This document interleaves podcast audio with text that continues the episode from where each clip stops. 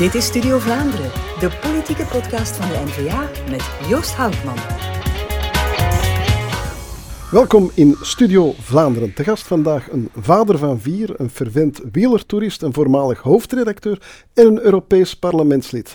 Inderdaad, u raadt het goed, onze gast is vandaag Johan van Overtveld. Als ik het zo uh, opsom, dan uh, versta jij de kunst om vele levens in één uh, te, te, leven. maar misschien is het belangrijkste leven wel dat van, van vader of van grootvader.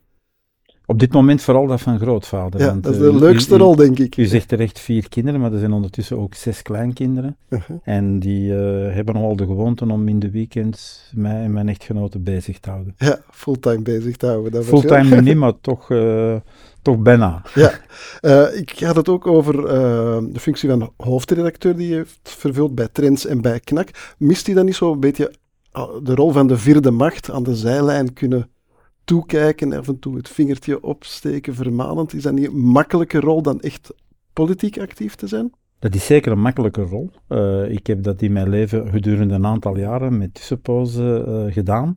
Uh, ik heb dat eigenlijk vrij, durf ik zeggen, vrij vlot kunnen afsluiten, omdat ik het wel gezien had. Ik heb -hmm. het zoveel jaren gedaan. En omdat ik vond dat het ook wel tijd werd om het dan ook eens proberen te doen. Ik heb dan ondertussen uh, met scha en schande, met vallen en opstaan geleerd dat dat uh, zeer lastig is. Maar daarom net zo interessant. De periode als minister van Financiën, nu in het Europees Parlement als uh, voorzitter van de begrotingscommissie, is wel een ongelooflijke ervaring geweest. Wat mij vooral geleerd heeft hoe moeilijk het politieke métier in de huidige omstandigheden. Dat u misschien vroeger wat te streng was als hoofdredacteur. Zeker en vast. Ja. Ik ben uh, absoluut bereid om dat toe te geven. Dat ik uh, de voorbije tien jaar, want het is bijna dag op dag tien jaar geleden dat ik de stap in de politiek gedaan heb, dat ik dat altijd wat onderschat heb, hoe, hoe complex het is en hoe, hoe moeilijk het soms is om voor de hand liggende dingen ook politiek dan nog eens uit te voeren. Dat is toch wel een, een tijd ook in beslag neemt. Uh. Ja, en omdat je vaak, uh, vaak toch ook wel een beetje tegen windmolens vecht of tegen, mm. Tegen tegenkrachten die niet altijd duidelijk zijn op, uh, bij het eerste mm. aanblik, maar die er niet te min zijn en die je moet overwinnen om uh, tot concrete resultaten te kunnen komen. Ja, je had het al over je rol als uh, minister van Financiën in de, in de Zweedse regering, uh, hoofdredacteur van Trends, je hebt toegepaste economie, economische wetenschappen gestudeerd, ik denk dat je ook macro-economie doseert.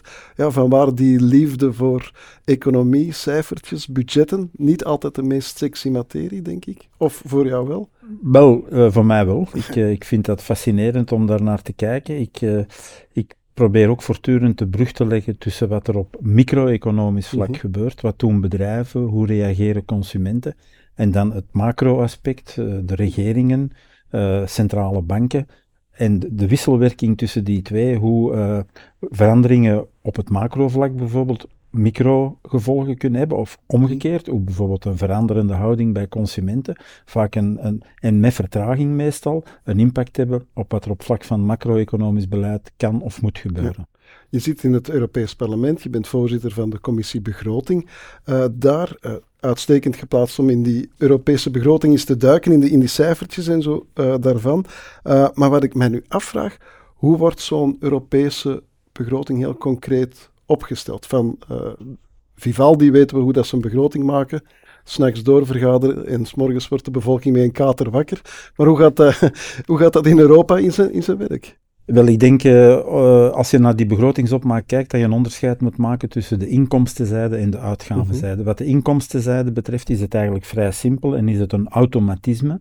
Er is de zogenaamde GNI-bijdrage, Gross National Income. Dat is eigenlijk een variante op het fameuze bruto binnenlands product. En dus een bepaald percentage, iets meer dan 1%, wordt daarvan bijgedragen of wordt verwacht als bijdrage. Dus elk lid, elke, elke lidstaat geeft eigenlijk procentueel gezien ja. hetzelfde aan, aan Europa. Wat dus betekent, en dat is eigenlijk fundamenteel vrij rechtvaardig, dat grote lidstaten in nominale bedragen, in euro's, het meeste bijdragen. Duitsland, Frankrijk, Italië, Spanje. En dat kleinere lidstaten in nominale bedragen minder bijdragen. Procentueel komt dat uiteraard over ja. elkaar heen. Maar eigenlijk is dat, als je over financiering van de Europese Unie nadenkt, is dat eigenlijk een vrij rechtvaardige manier om het te doen. En in ieder geval een betere manier, vind ik, dan wel eigen fiscaliteit voor de Europese Unie Want dat zou op dit moment een zeer slecht idee zijn. Ja.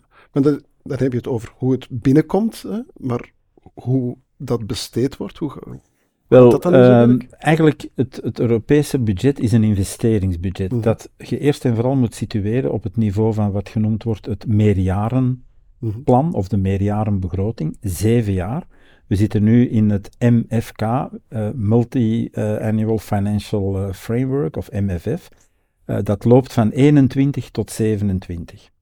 En dat wordt dan jaar per jaar opgekapt, waardoor, dat, dat, eh, waardoor dat je jaar na jaar wel kleine verschillen krijgt. Maar grosso modo kan je zeggen dat dat jaarbudget, eh, gegroeid vanuit dus die meerjarenbegroting, dat dat zo ongeveer 180, 190 eh, miljard euro is.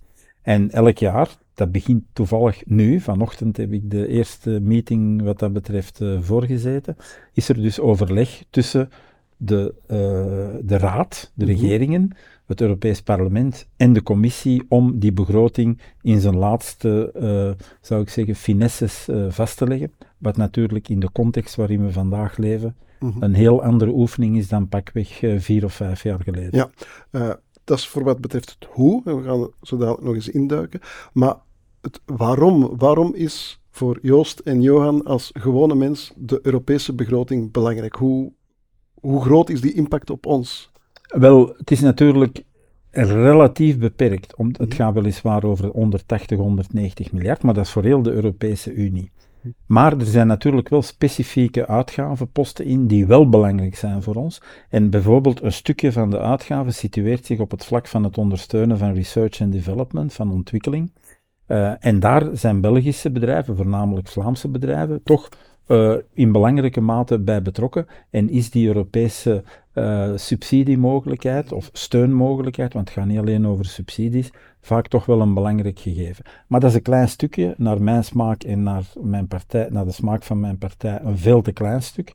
We doen er ook alles aan om dat te trachten uit te breiden, omdat dat uiteraard het beleid van de toekomst is, terwijl de twee grote stukken van de Europese begroting vandaag, namelijk het zogenaamde cohesiebeleid en het landbouwbeleid, ja, dat zijn eigenlijk voor een stuk beleid van het verleden. Ja. Landbouwbeleid wil ik dan nog nuanceren, omdat er uiteraard een heel grote toekomst in landbouw zit, al ligt op een andere manier ge, ge- gestoeld dan vandaag. Ja, een 2.0, Maar het, cohesie, 2.0, het cohesiebeleid, wat dus, dus op gericht is om achtergebleven landen en regio's bij te trekken, dat, is aan, dat moeten we echt heel grondig gaan herzien.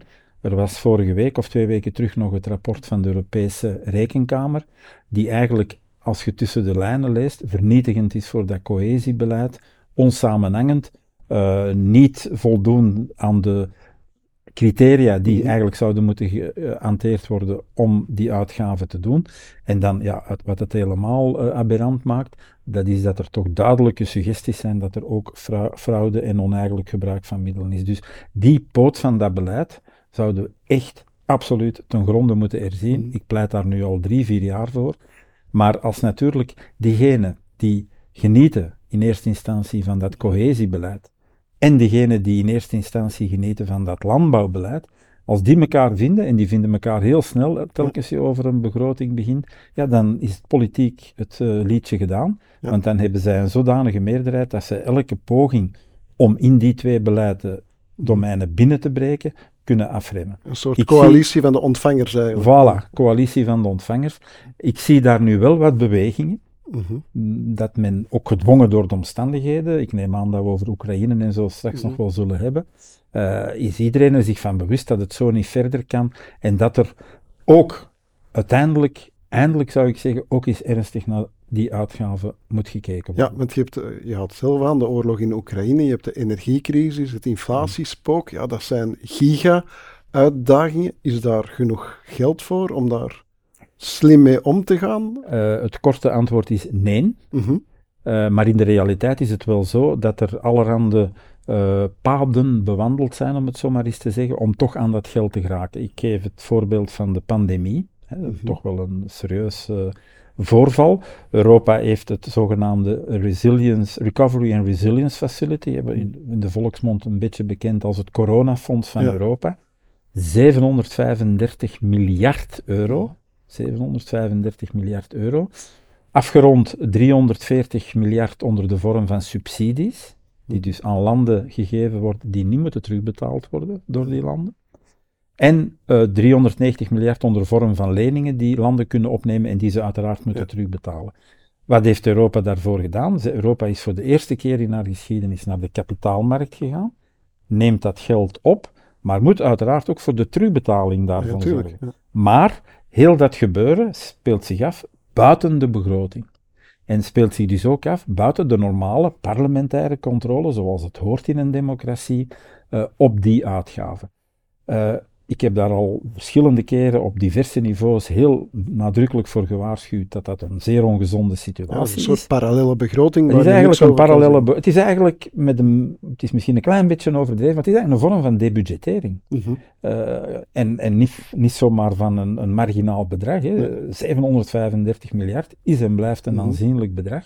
En dus eh, de toekomst zal uitwijzen of we erin geslaagd zijn om uh, die uitgaven of het gebruik van die middelen op een adequate manier te controleren. Ik heb daar van dag één gezegd, ik heb hier mijn twijfels over. We hebben onvoldoende mechanismen om dat goed te controleren.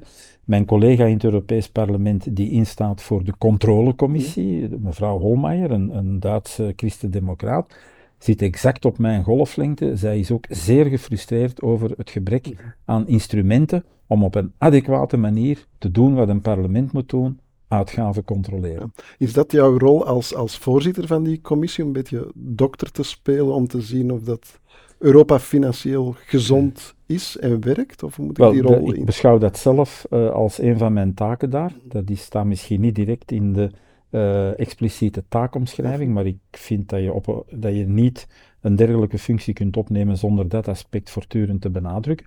Mijn voornaamste taak eigenlijk is ervoor te zorgen dat de parlementspositie in die begrotingsdiscussies op een degelijke manier vertolkt wordt. Wat dus maakt, en daarover uh, ben ik ook al een aantal keren zeer duidelijk geweest, dat ik soms in situaties zit waar ik zaken moet verdedigen, waar ik eigenlijk, of mijn partij, niet echt achter staan, maar die gegeven de functie mhm. wel moet... Ik doe dat consequent. Ja.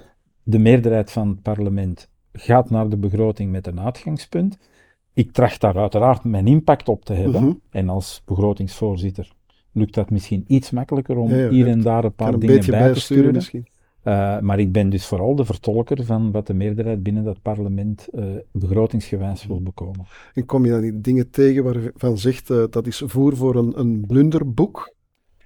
zeker en vast. En ik mag toch wel beweren dat ik er op die vier jaar in geslaagd ben om al een aantal keren dergelijke dingen te voorkomen en ook te nuanceren in de zin van dat men toch wel een beetje bijgestuurd heeft op, op de eerste standpunten.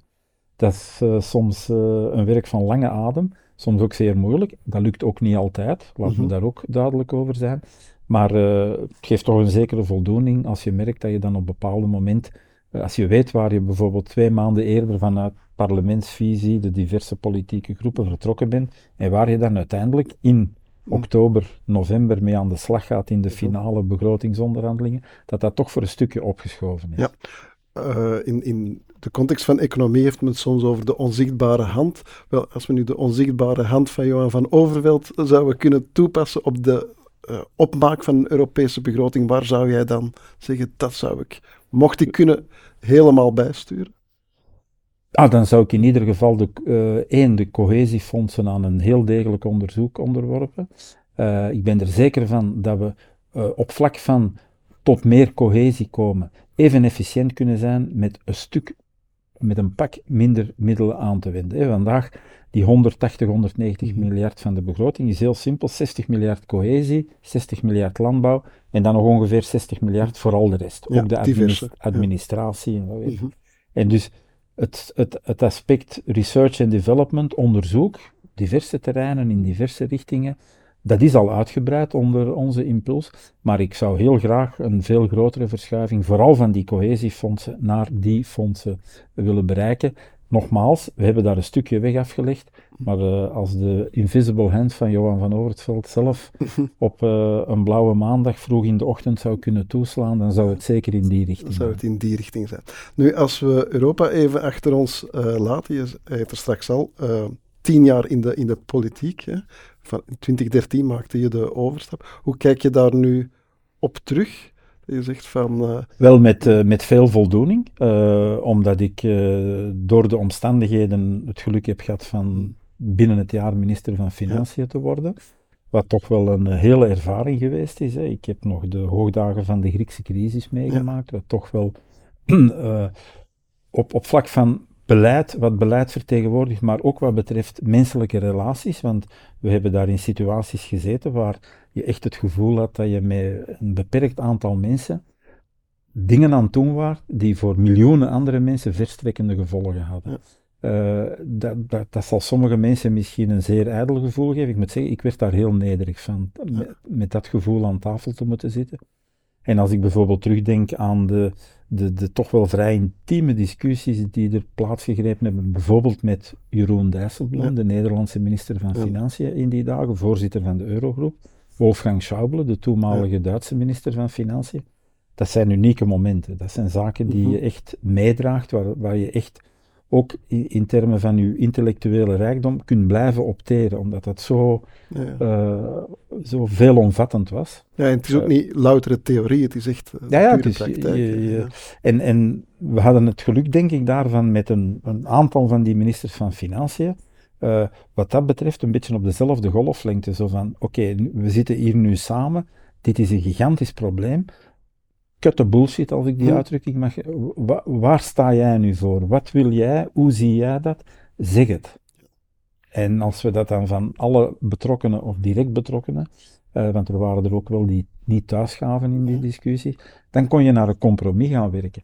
Dat was veel eisend, hoort bij de job, dus daar uh, hoor je mij zeker niet over klagen, maar dat was ook zeer verrijkend. Uh, die overstap in 2013, zat die er al lang aan te komen? Zat er eigenlijk al een politicus in jou verstopt? Uh, heb je dat van thuis uit meegekregen? Of is nee, van thuis uit zeker niet. Uh, het, het, is natuurlijk zo, als je als eh, hoofdredacteur van, van Trends en dan voor een tijdje ook van Knak de zaken volgt in België, ja, dan word je automatisch meegezogen in het politieke gebeuren en zeker wat betreft het financieel-economische. Dus er was wel een zekere vertrouwdheid.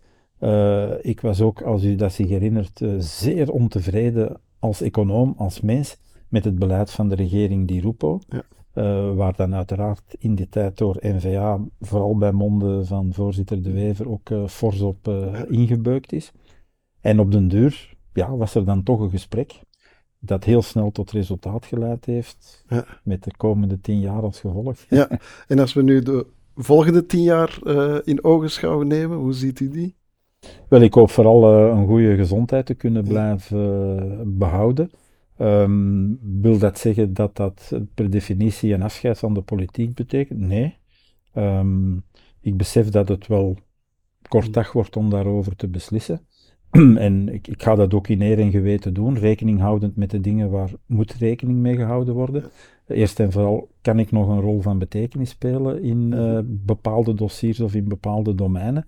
Als het antwoord daarop nee is, dan zal ik met uh, de glimlach afscheid nemen van de politiek. Als het antwoord daarop ja is, dan zal ik uh, allicht mijn verantwoordelijkheid wel nemen. Ja. Maar, pratend over goede gezondheid, je staat bekend als wieler toerist? Ben jij een mooi weerfietser of, of spring je in de herfst en de winter ook op de fiets? Dat, uh, wie, uh, een echte wielertoerist maakt abstractie van het weer. Ja. Uiteraard rijd ik ook liever bij 23 graden met een mooi zonnetje en een, een, een, een, een lichte bries. Ja. Maar als het uh, eh, 5 graden is, pijpenstelen regent en hier in de wind tegen is, zal ik met evenveel plezier op de fiets stappen. Oké, we hebben dus een echte Flandrien in onze studio gehad. Johan van Overveld, dank voor inzichten in de Europese begroting, wat toch iets wat een abstracte, uh, abstract onderwerp is voor uh, veel mensen, maar lekker concreet gemaakt. En ik dank ook u, beste kijker en luisteraar, op naar een volgende